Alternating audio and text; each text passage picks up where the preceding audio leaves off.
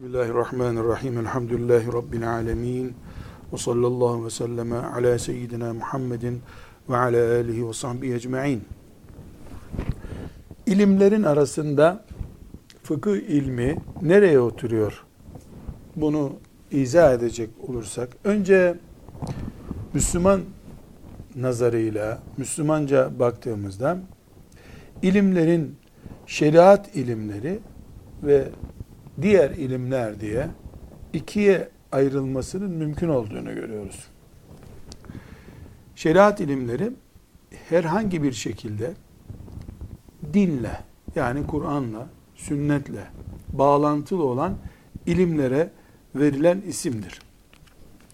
Şeriat ilimleri de kendi içinde farklı boyutlarda ele alınabiliyorsa da her halükarda ilimlerin şeriat ilimleri ve diğer ilimler diye ikiye ayrıldığını tespit ederken şeriat ilimleri diye yaptığımız ayrımın sadece tanıma kolaylığı ve tasnif sağlama açısından söylendiğini bilmemiz gerekiyor.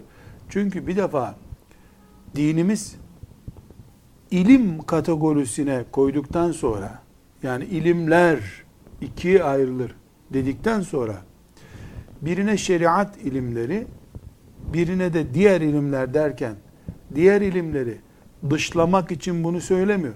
Onları ilim kabul ediyor. Ama şeriata direkt hizmet eden, dine direkt hizmet edenle dolaylı insana hizmet ettiği için dolaylı olarak ilim kategorisine konanlar arasında bir fark var. Bu farkı anlatması bakımından ilimler iki türlüdür. Şeriat ilimleri ve diğer ilimler diyoruz. Şeriat ilimlerinin ayrıntılarına geçmeden önce normal ilimlerin ilim denen şeyin üç ana sınıfa ayrıldığını söyleyebiliriz.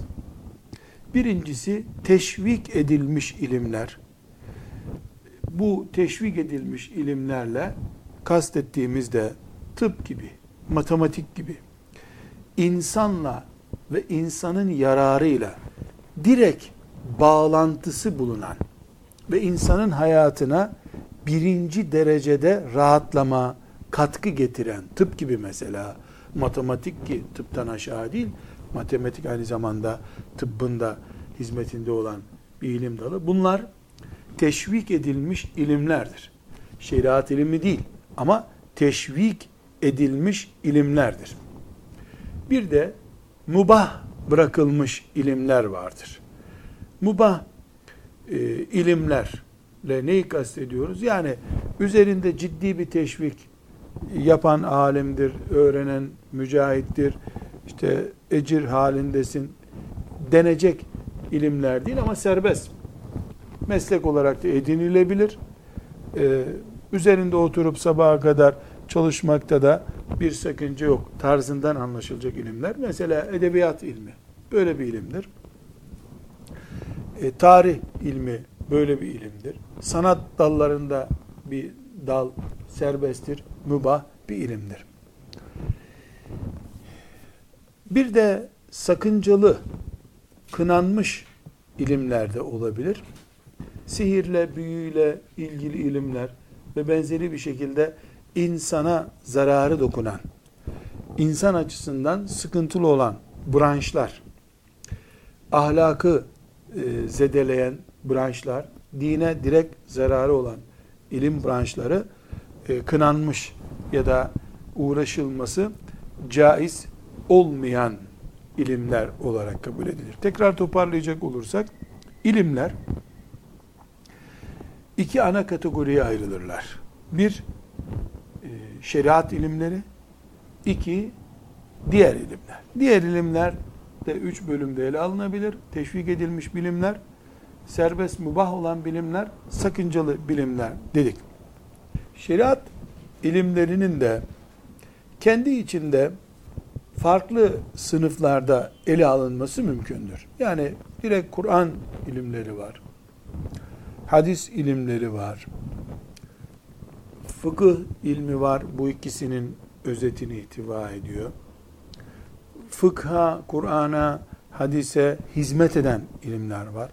Mesela Arapça bir ilim olarak aslında e, müstakil bir Kur'an gibi, hadis gibi, fıkıh gibi e, bir ilim değildir. Ama Kur'an Arapça ile elde edildiği için e, alet ilim olarak yani iyi bir araç ilmi olarak çok büyük mevkii var.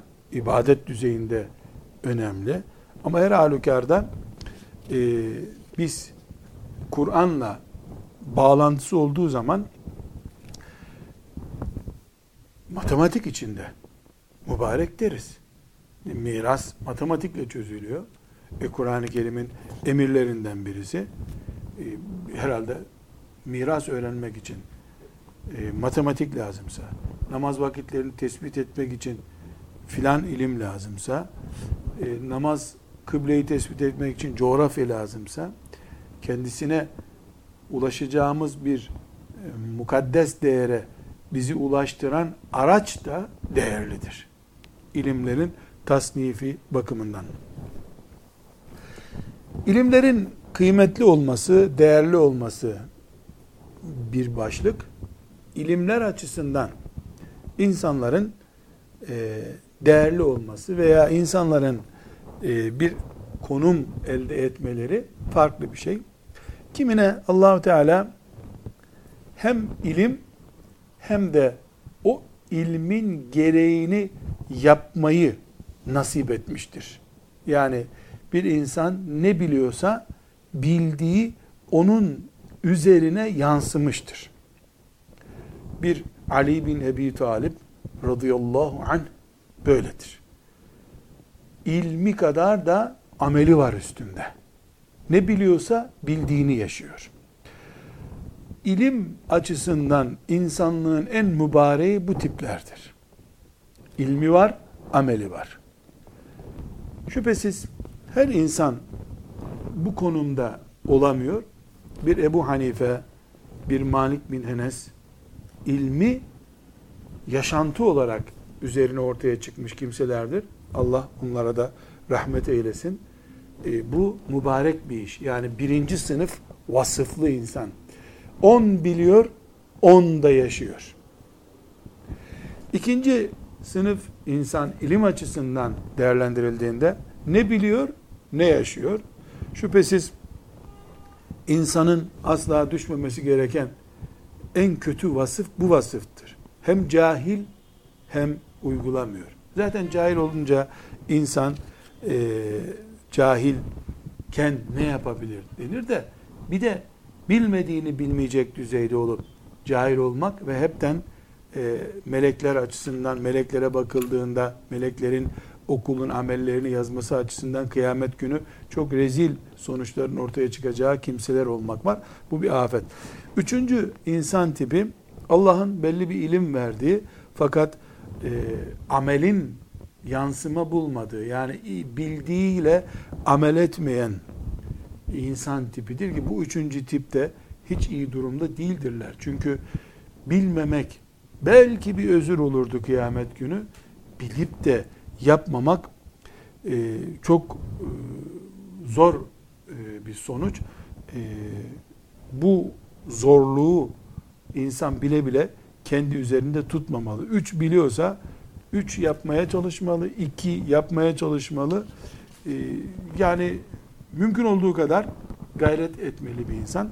Dördüncü kategoride olan insanlar, ilim açısından Müslümanları değerlendirdiğimizde bir ilim nasibi yok ama ilim ehli gibi de iş yapabiliyor. Namazın fıkhını, ayrıntılarını bilmiyor. Ama e, çocukluktan gördüğü şekliyle namaz ciddiyeti taşıyor. Bilenlerden de daha iyi kıldığı olabiliyor. Zekatın fıkhını, ayrıntılarını bilmiyor. Sorulan soruya cevap veremiyor. Ama üzerinde bir kuruş zekat borcu yok bir Müslümanın. Keşke zekatını ihmal eden alim de bunun kadar olsaydı da kıyamet günü hesabı kolay olsaydı. Demek ki e, dört sınıf Müslüman var. İlim açısından ele alındığında birincisi ilmi var, uygulaması var. Bu mübarek insan. İkincisi e, ne ilim var ne amel var en berbat insan. Üçüncüsü ilim var amel yok çok kötü bir durum. Dördüncüsü amel var ilim yok. Bu da iyi değil ama önceki birinci, ikinci, e, ikinci ve üçüncü kategoridekilerden daha iyi durumda denebilir bunlar için. Şimdi e, bir meselenin izahı lazım. Yaşadığımız çağda ilim ne için elde ediliyor diye sorulsak zaten ilim diye bir hedef yok. Diploma var. Meslek için diploma gerekiyor, diploma için okula gitmek gerekiyor diye bir kısır döngü üzerinden ilim elde ediliyor. Ee, bir din eğitimi veren yer içinde böyle, sanat eğitimi veren içinde böyle, normal e, mutat bir okul içinde durum böyle. Halbuki Müslüman açısından diploma, meslek vesaireden önce ilim bir ibadettir. Allahu Teala'nın Kur'an'ı ilim kitabıdır. Matematik de dahil olmak üzere Müslüman ilmi ibadet niyetiyle alimin mürekkebi şehidin kanından eftaldir düşüncesiyle Müslüman masaya oturur, rahleye oturur, bunun için kitap açar, bunun için makale yazar. Müslümanın bütün gayreti bu şekildedir. Müslüman böyle bir insandır her şeyden evvel. Şimdi e, bu bizim ne için ilim öğreniyoruz? Yani fıkıh dahil bir ilme ne için e, gayret ediyoruz? Neden uykusuz kalmamız gerekiyor? Sorularının e, cevabını biz burada e, vermeye çalışacağız. Diyoruz ki bir defa ilim her şeyden evvel Allahu Teala'yı bütün esma sıfatıyla, e, fiilleriyle e, bilmek, tevhid ehli olmak, iman ehli olmak için ilim vardır. Bu Kur'an-ı Kerim'den ilim neden vardır? Allah'ı bilmek için de diyoruz ya Kur'an-ı Kerim'den öğrendiğimiz ilmin sebebi de budur. Matematik, coğrafya e, öğrenirken de Allah'ı bilmek için, Allah'a kulluk yapmak için coğrafya öğreniriz. Bazen coğrafyanın, matematiğin, fiziğin, kimyanın, astronominin insana sağladığı Allah'a iman, tevhid şuuru öyle olur ki fıkıhtan sağlanmaz. Yani bütün ilim dalları bizim için en ciddi bir şekilde iman davamızı köklendirme vazifesi yapar. Yapmalıdır. Lise okurken de, ilk öğretim okurken de maksadımız bu olmalıdır. Her ne kadar lisede mesela bir beden eğitimi dersi nasıl bize e, Allah'a imanı sağlayacak? Ne alakası var beden eğitiminin Allah'a imana götürmesinde? Hayır öyle değil. Beden eğitimi sağlam bünye sahibi olup Allah yolunda ibadette, cihatta, Allah için yürümekte kullanmak diye bir niyetle beden eğitimi ibadete bile dönüşür. Hantal hantal zıplayıp durmak var. Bu beden yarın rüküde sağlam olsun. Secdeden haz alsın diye bedene e, terbiye vermek, egzersiz yaptırmak var.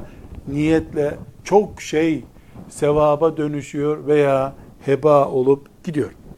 Aynı şekilde ilim gayemiz fıkıhtan coğrafyaya kadar hangi ilim olursa olsun ilimdeki gayemiz Rabbimize ibadet etmek ve insani ilişkilerimizde, ahlakımızda ve diğer konularda nasıl yaşayacağımızı yani Müslüman kültürümüzü elde etmek ilim gayemiz olmalıdır. Coğrafyadan da bu sonuca ulaşabiliriz. Tefsirden de bu sonuca ulaşabiliriz. Üçüncü gayemiz Allah'a davet, dinimizi yaymak, şeriatımızı üstün hale getirmek. İyilikte hız katıcı, kötülükte de engelleyici fren mekanizması olarak kullanacağımız ilmimiz olsun, kültürümüz olsun deriz.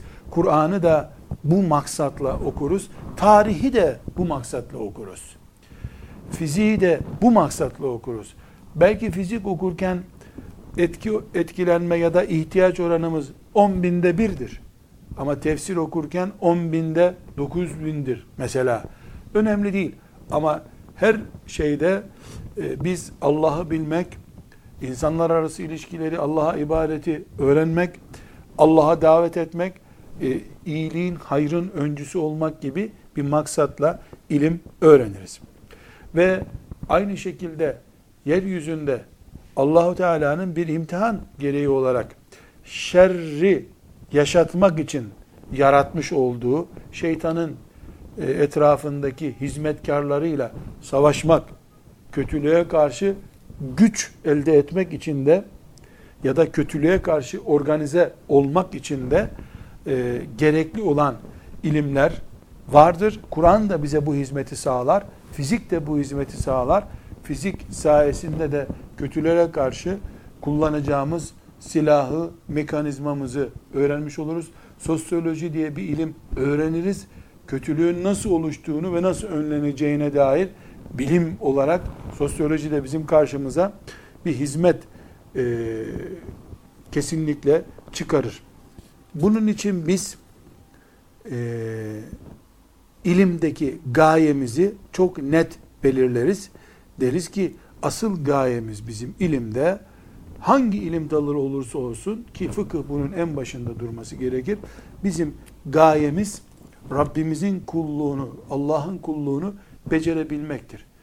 Bu e, bize sadece diploma için ve belli bir şekilde e, ünvan elde etmek için gibi gerekçelerle e, bir diploma ya da ilim öğretmez.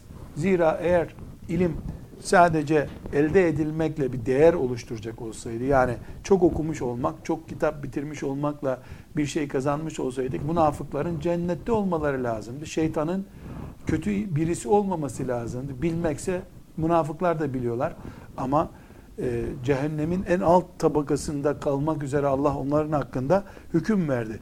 İblis de çok güçlü bilgi sahibiydi. Ama e, bir defa metrut yani Allah'ın rahmetinden ebediyen kovulmuş birisi haline geldi. Neden? Neden? Çünkü bilmek yetmiyor.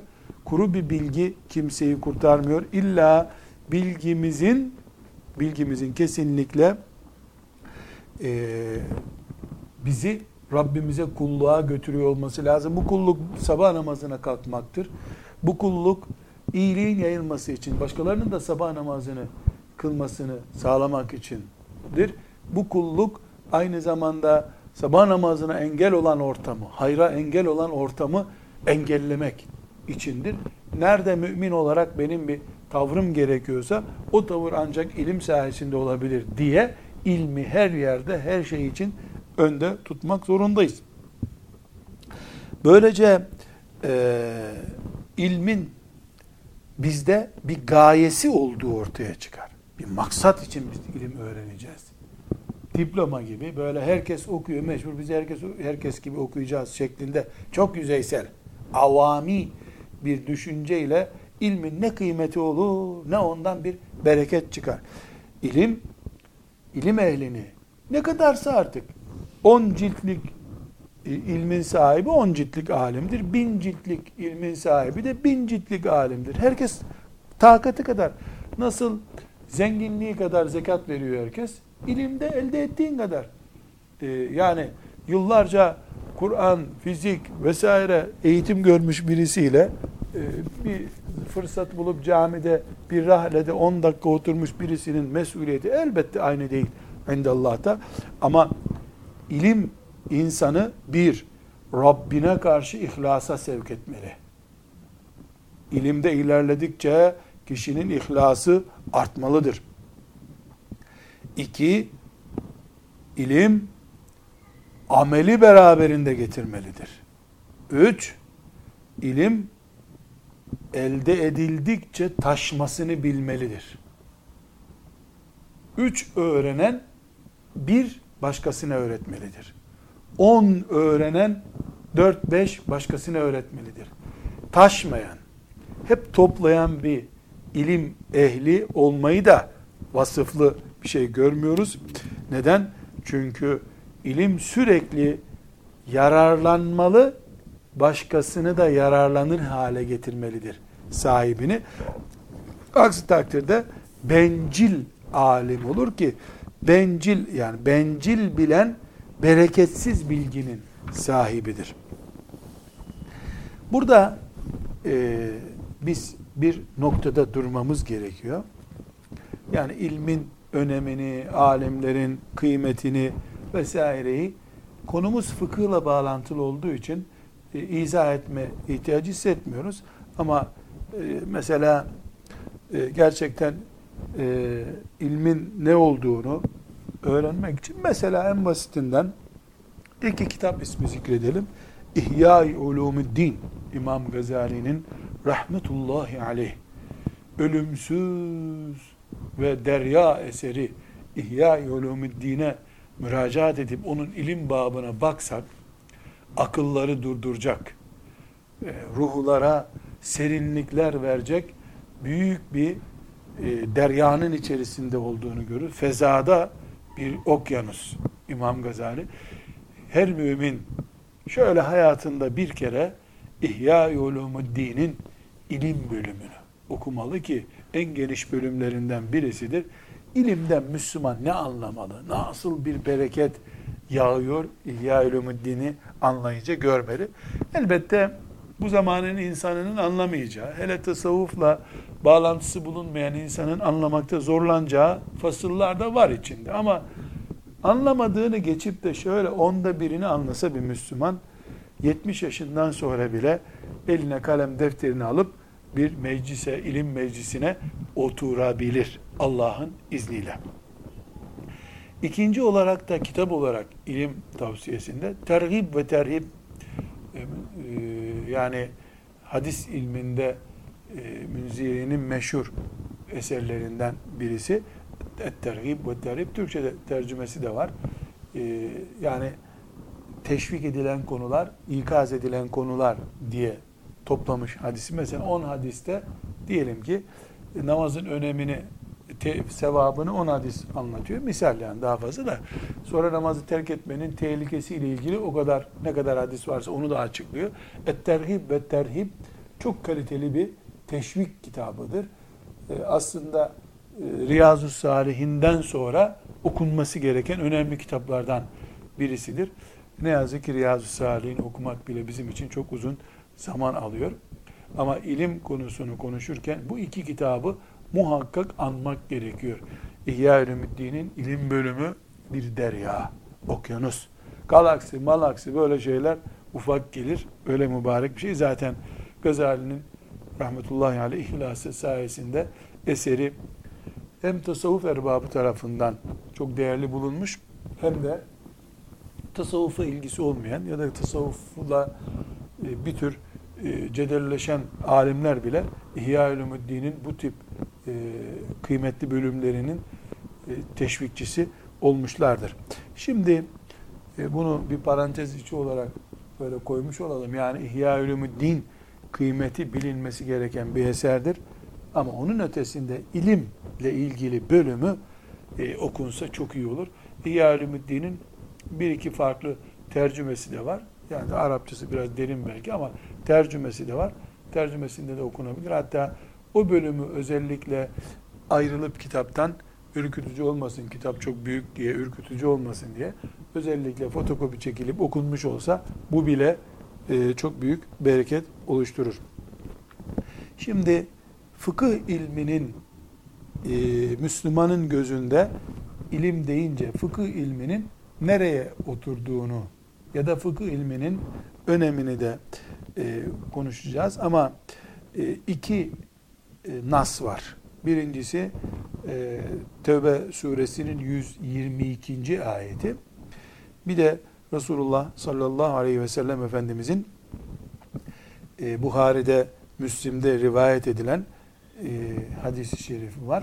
E, pek çok hadis-i şerif olmakla beraber yani e, mevzumuz ve konumumuz gereği çok fazla derinlere girmek istemiyorum. Şimdi Tevbe suresi bildiğimiz gibi ayet ele alalım. Tevbe suresi e, cihat ağırlıklı bir suredir. Kıtal suresidir adeta. Bu yüzden de besmelesiz başlar. Çünkü besmelede Rahman ve Rahim isimleri var Allahu Teala'nın. Yani cihat böyle daha kılıçların şakırdadığı bir manzaralardan oluştuğu için Allahu Teala bir hikmetin bu surenin başına besmele koydurtmadı. Kur'an-ı Kerim'i yazdırdığı zaman peygamberine e, Cihat suresidir. Şimdi bu Cihat suresinin 122. ayetini okuyoruz.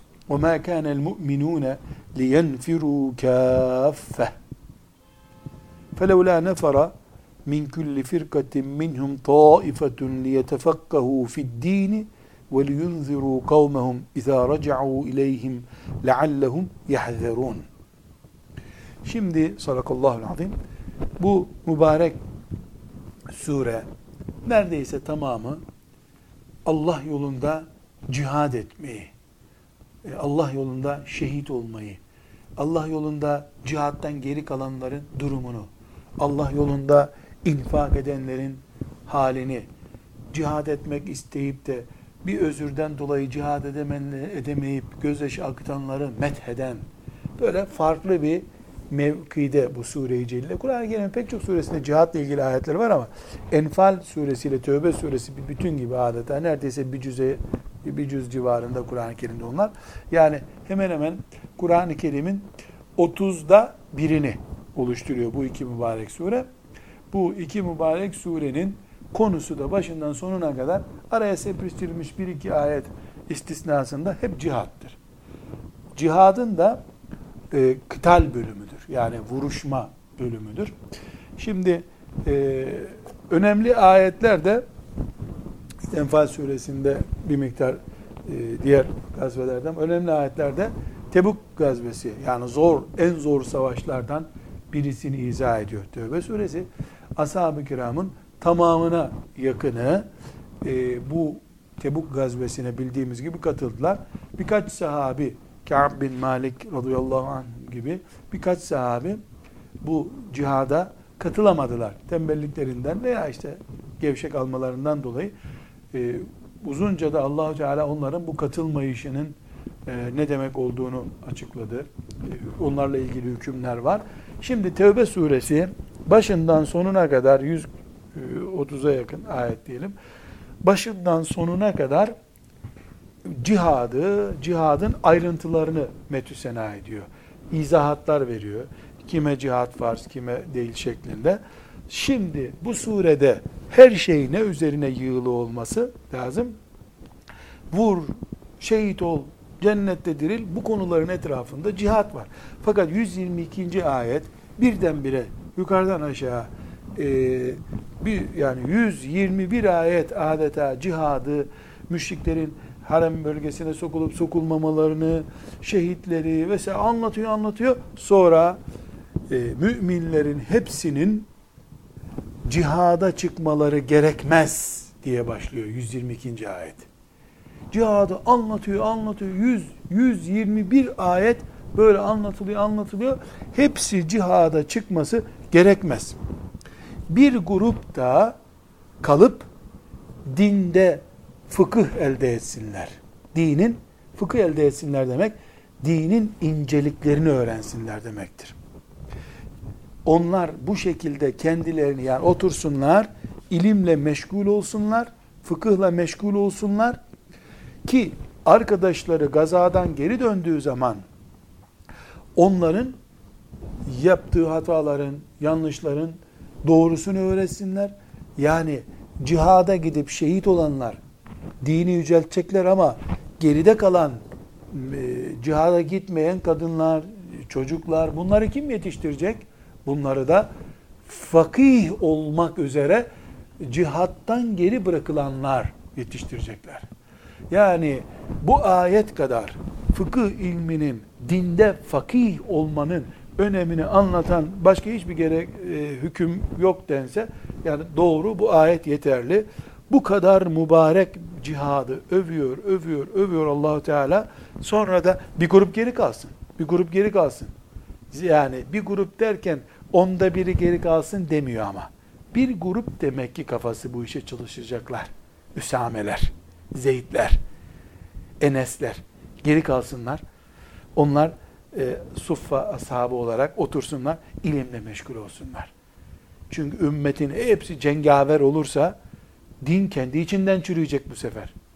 Cahillerden bir daha cengaver çıkmayacak, mücahit çıkmayacak. Bu ayetten çok açık bir şekilde anlıyoruz ki fıkıh ilmi Allah'ın nazarında cihattan geri kalmak için ruhsat olacak kadar önemli. Bunun için işte diğer hadis-i şeriflerin toplamından da anlıyoruz ki alimlerin mürekkepleri şehitlerin kanlarından değerli oluyor. Yani bir alim eğer cihattan kaçmak için değil de alimliğini icra etmek için cepheye gitmedi de oturduysa o şehitten, gaziden daha değerli bir konumda. Çünkü insanlara şehadeti kim öğretecek? Alimler öğretecek. Alimler olmadıktan sonra şehitlik nedir? Gaza nedir? Allah için çalışmak nedir? Kim nereden nasıl bilecek bunu? Bu Tevbe Sure-i Celilesinin 122. ayetini hiç unutmuyoruz. Bir insanın oturup ilmihal okuması ne demektir? Bunu anlatıyor Allah Teala. Demek ki filan yerde Mescid-i Aksa'nın eteklerinde cihad eden mücahit Allah katında neyse cihadın faizin haram olduğunun tesettürün, iffetin bu tip konularında okunduğu yani şeriatın, Kur'an ilminin, hadisi şeriflerin hepsinin ayrıt edilmeden okunduğu sadece taharetin veyahut da sadece e, büyüklerin menkıbelerin okunduğu değil.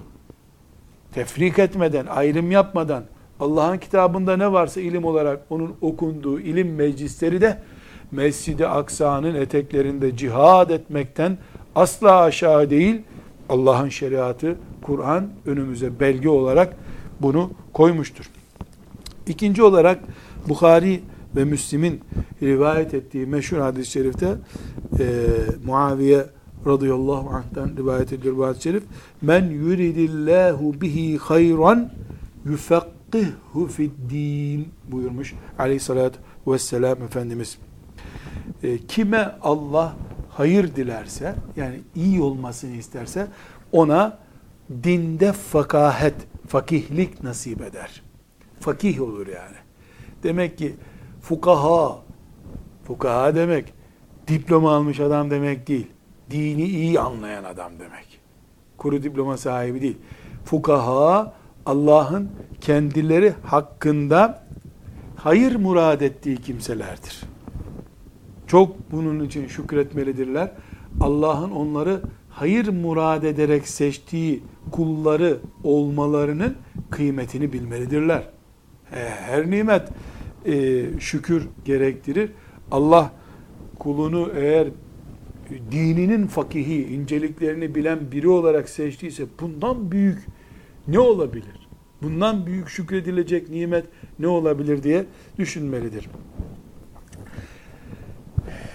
Bir Müslüman bunu öğrendikten sonra acaba e, yani bu dini hükümleri öğrenmekten ne kadar sorumludur? Cevap, iki şey çok önemli. Bir, zaruret kadar herkes sorumludur. Namaz nedir, oruç nedir, faiz nedir, zina nedir? Herkes bunu bilmek zorunda eğer İslam sesi, ezan sesi duyan bir yerde yaşıyorsa. Hepten e, kutuplarda insandan uzak, sesten soluktan uzak bir yer varsa bu dünyada, öyle bir yerde yaşıyorsa, o Allah vardır diye bir bilgi bilse yeterli ama ezan duyan diğer ayrıntıları da öğrenecek. Ne kadar? Belki 50 sayfalık bir broşürde özetlenebilecek kadar bir miktardır bu. Zorunlu ilimler. Onun birinci pozisyon bu. İkinci pozisyon Müslüman Allah'ın vermediğinden sorumlu olmaz. Allah'ın verdiğinden sorumlu olur Müslüman. Allah'ın vereceği şeylerden biri de zekadır, yetenektir. Müslümanın eğer yeteneği varsa Allah ondan bir şeyler isteyecektir. Ama namazın farz olduğunu bilmek için yetenek gerekmiyor. Fakat namazın fıkhını şöyle bir ilmihal boyutuna kadar bilmek için belli bir yetenek gerekir. Çünkü fıkıh nihayetinde ince e, ilimler gerektiriyor. ince hesaplar gerektiriyor. Elbette Müslüman bir miktar bu hassasiyetleri anlayacak, kavrayacak zekaya sahip olması lazım. Zeka ile beraber mesela e, Müslüman e, hiçbir fırsat bulamamış. Bu da zekası olmamış bir Müslüman gibi. Öbür Müslüman e, üç tane beş tane alemin dizinin dibine oturma imkanı bulmuş. Yani Allah zekayı, fırsatları kime ne kadar lütfettiyse o kadar değerlendirecek. Ama her halükarda Müslümanlar zeki ve yetenekli çocuklarını fakih olmak üzere adamalıdırlar. Hanne kadının Meryem'ini Allah'a e, Mescid-i Aksa'nın hizmetini yapmak üzere adadığı gibi mümin anneler babalar da çocuklarını e, Allah'ın dininde ince bilgilerin sahibi, fakih kimseler olmak üzere adamalıdırlar. Her alim aynı şekilde iki şeye dikkat edecek. Birincisi bildiğiyle amel edip şeytana benzemekten kurtulacak. İkincisi de alim Allah'tan en çok korkan kimse olacak. Çünkü Kur'an-ı Kerim Fatır suresinin 28. ayetinde innema yahşallâhe min ibadihil ulema buyuruyor. Allah'tan ancak alimler hakkıyla korkarlar. Cahil zaten nereden korkacağını, nasıl korkacağını da bilemeyebilir. Alim şüpheli şeylerden bile kaçınacak. Alim mubahlara bile mesafeli yanaşacak. Ee, selefin büyüklerinden nakledilen meşhur sözler ne diyor? Biz yani endişemizden dolayı mubahların bile bir kısmını terk ettik. Mübah olduğu halde ondan bile uzak durduk. Neden? İnsanlara kötü örnek olmasın. Aman riske düşmeyelim diye. Alimliğin işareti Allah korkusudur. Sarık alimlik işareti değildir. Ebu Cehil de sarık sarıyordu. Alimlik, takva, zühd, vera yani titiz Müslümanlık evhama ulaşmamak şartıyla tabi alimlik korkusudur. Filancanın sarığı, sakalı, şalvarı kılık kıyafetinin ve ilminin nebze, bir nebze çok küçük göstergesidir ama takvası, haramlardan uzaklığı yüzde yüz Allah korkusu alimliğinin işaretidir. Müslümanların ilim bilenleri ister alim olsun ister e, normal düzeyde bir ya işte mesela bir hafızlık düzeyinde veyahut da işte 5-10 sene okumuşluk düzeyinde bir bilgisi olmuş olsun. Kim ne kadar ne biliyorsa onu konuşacak ve onunla yaşayacak. Bildiğini gizleyen gem vurulacak bir insandır kıyamet günü. İnnellezine yektumune ma enzelna minel beyinat. Allah Teala Bakara suresinde buyuruyor. İnnellezine yektumune ma enzelna minel beyinat. İndirdiğimiz ayetleri gizleyenler, gizleyenler ulaike yel'anuhumullah. Allah'ın lanetinin bütün lanet edenlerin lanetinin uğradığı bir kimsedir onlar. Bu şüphesiz. Yani her şeyi paldır küldür her yerde konuşmak demek değil. Ama bir alim yahut da doğruyu bilen, faizin haram olduğunu bilen, kumarın haram olduğunu bilen biri siyasi menfaatleri gereği veyahut da ekonomik çıkarları gereği bu haramı gizleyemez. Gizlediği an Allah'ın lanet ettiği kimse olur. Aynı şekilde diyoruz ki bizim dinimize ait bilgi yaşanmak içindir. Koleksiyon bilgisi yoktur. Çok biliyor, az yapıyor istemiyoruz. Bildiği kadar yapıyor olsun istiyor Allah.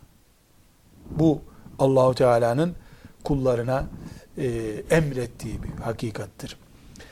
Burada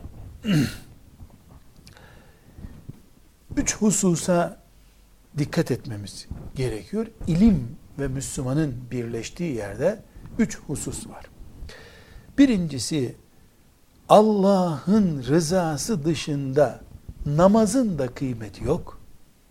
Putlar için kesilmiş ineğin, koçun da değeri yok.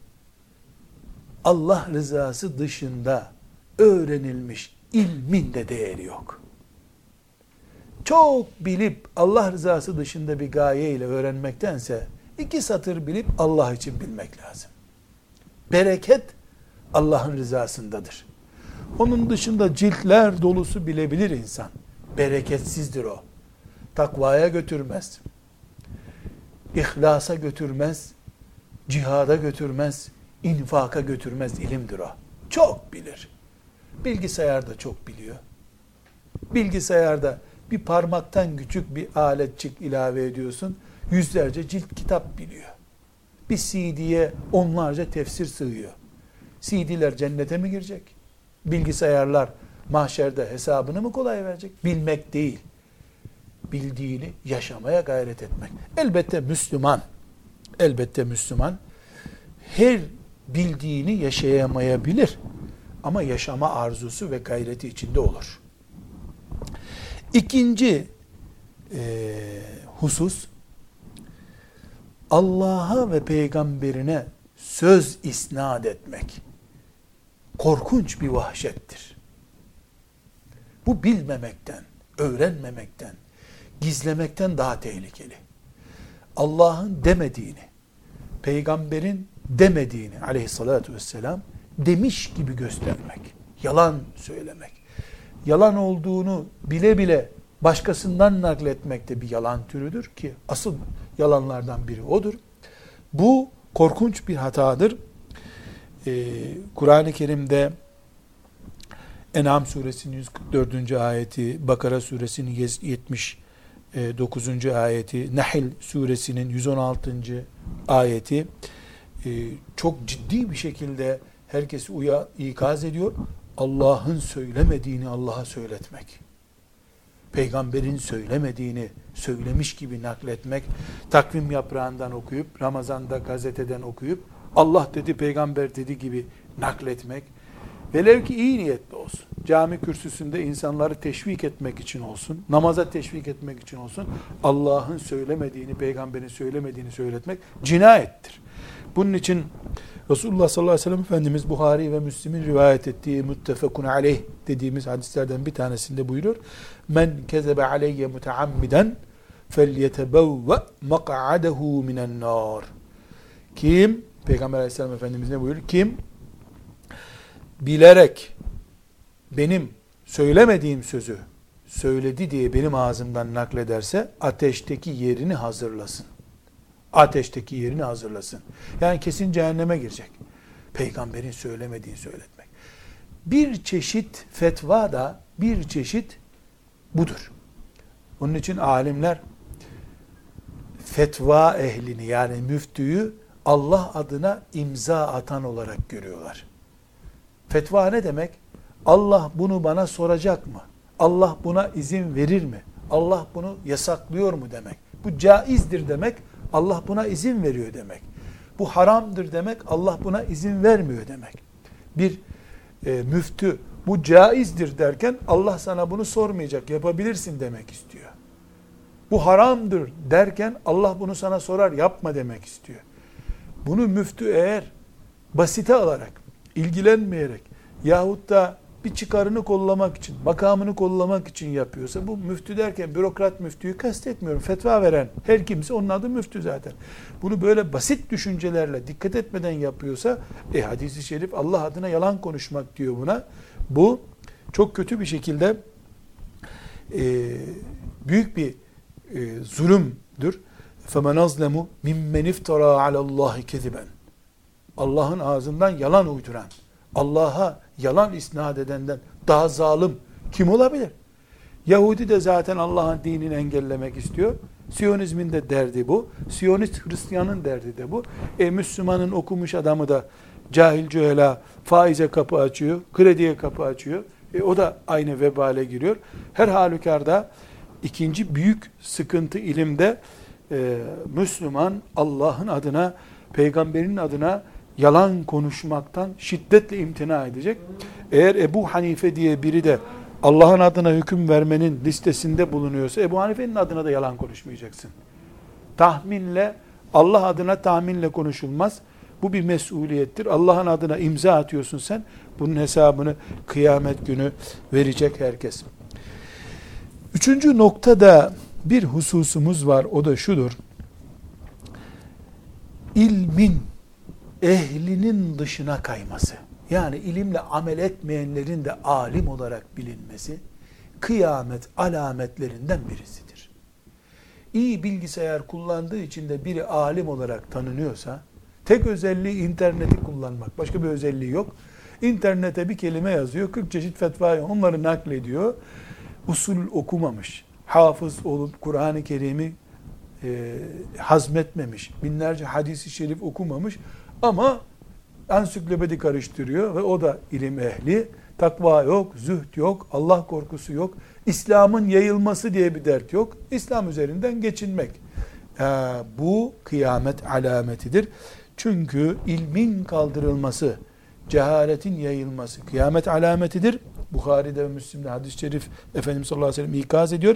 Başka yine Buhari ve Müslim'de e, çok önemli bir hadis-i şerif var. Hepimiz bu hadis-i şerife kulak kesilelim. Resulullah sallallahu aleyhi ve sellem ne buyuruyor? Allah yeryüzünden ilmi çekip almaz. Ama nasıl e, alır?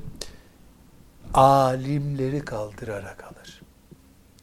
Allah'ın innema yakşallah min ibadil ulema diye tanıttığı yani Allah'tan hakkıyla korkan alimler tek tek giderler. Ondan sonra internet alimleri kalır. Ansiklopedi alimleri kalır. Onlar da kendileri de sapar, başkalarını da saptırırlar. Böylece cehalet, zındıklık ve fasıklık yayılır. Bu kadar fasıklığın yayıldığı bir yerde de kıyametin tahakkuku için gerekli şartlar oluşmuş olur.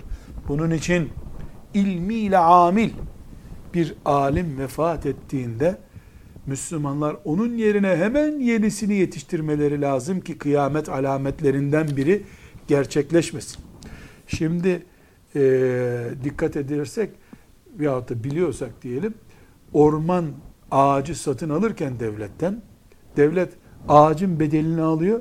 Bir de sen 10 ağaç satın aldın benden 10 tane de ağaç dikme vergisi alacağım senden diyor.